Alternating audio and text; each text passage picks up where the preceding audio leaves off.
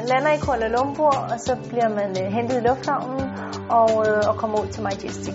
Og Majestic ligger ude i den øh, gamle bydel af Kuala Lumpur, som er tilbage fra engelsk kolonitid. Der er virkelig gjort noget ud af det her britiske og den her, den her gamle historie, hvor man, øh, der er en biograf, hvor man kan komme ned og se engelske film, og en barbershop, øh, og de har sådan et tea room. Der er virkelig gjort meget ud af øh, den der engelske kultur, den der britiske ja, historie. Men der er ingen tvivl om, at det er luksus på luksus, og det er god mad og god service og høj, høj standard. I rejsen, der indgår den her madtur, hvor man som en halvdagstur, og det malaysiske køkken er en blanding af rigtig mange ting, fordi de i Malaysia og i Kuala Lumpur øh, lever rigtig, rigtig mange kulturer op og ned af hinanden. De har indere, de har kinesere, øh, de har malayer, og, øh, og hele den her kultur er ligesom sådan smeltet sammen.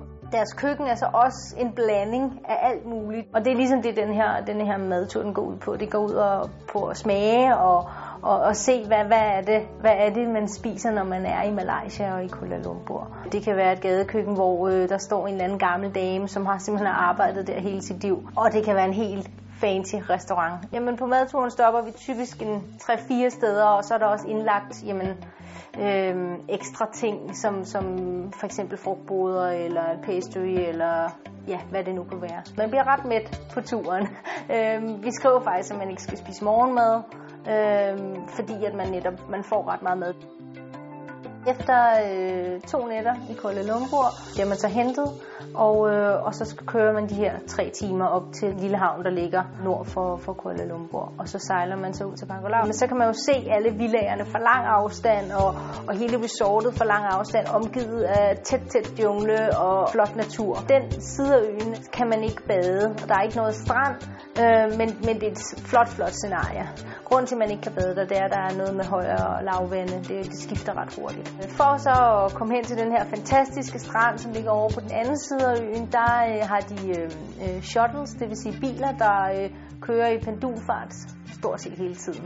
Øh, og det tager 5 minutter. Den eneste grund til, at man skal med bil, det er simpelthen fordi øen den er, den er meget kuperet, og der er højt. Og den strand, der er jo på den anden side, vil jeg sige, er sådan en rigtig paradisstrand. Selve scenariet er bare øh, super flot. Det ligger inde i sådan en øh, bugt, og du har junglen lige bagved. Resortet byder til at slappe af og nyde det. Læse en god bog, komme ned i tempo. Men hvis man gerne vil lave noget, så har resortet tennisbaner. De har tre tennisbaner. Øh, man kan lege kajakker. Man kan tage en, en lidt større junglevandring, hvor man kommer ind igennem junglen og og hvor man kan se aber og næsehornsfugle igen og leguaner, så har resortet jo en fantastisk spa, som jeg helt klart vil anbefale, at folk de, øh, de prøver derude. Øh, ja, en af verdens bedste spa. Nu er jeg selv typen, som øh, er meget aktiv og, og normalt ikke er til at ligge bare på en strand og, og læse en bog. Øhm, men altså, jeg synes, at øh, jeg kom virkelig meget hurtigt ned i tempo derude, også fordi at øh, sådan stemningen og atmosfæren er, at her skal du bare tage det stille og roligt. Du skal lige trække stikket ud og sige, jamen øh, nu er jeg lige en, en uge her og, og nyde det. Og, øh, og måske er det egentlig også, også meget godt for, for os danskere, som har så travlt en hverdag, og lige komme ned i tempo og mærke efter, øh, hvor er man egentlig henne.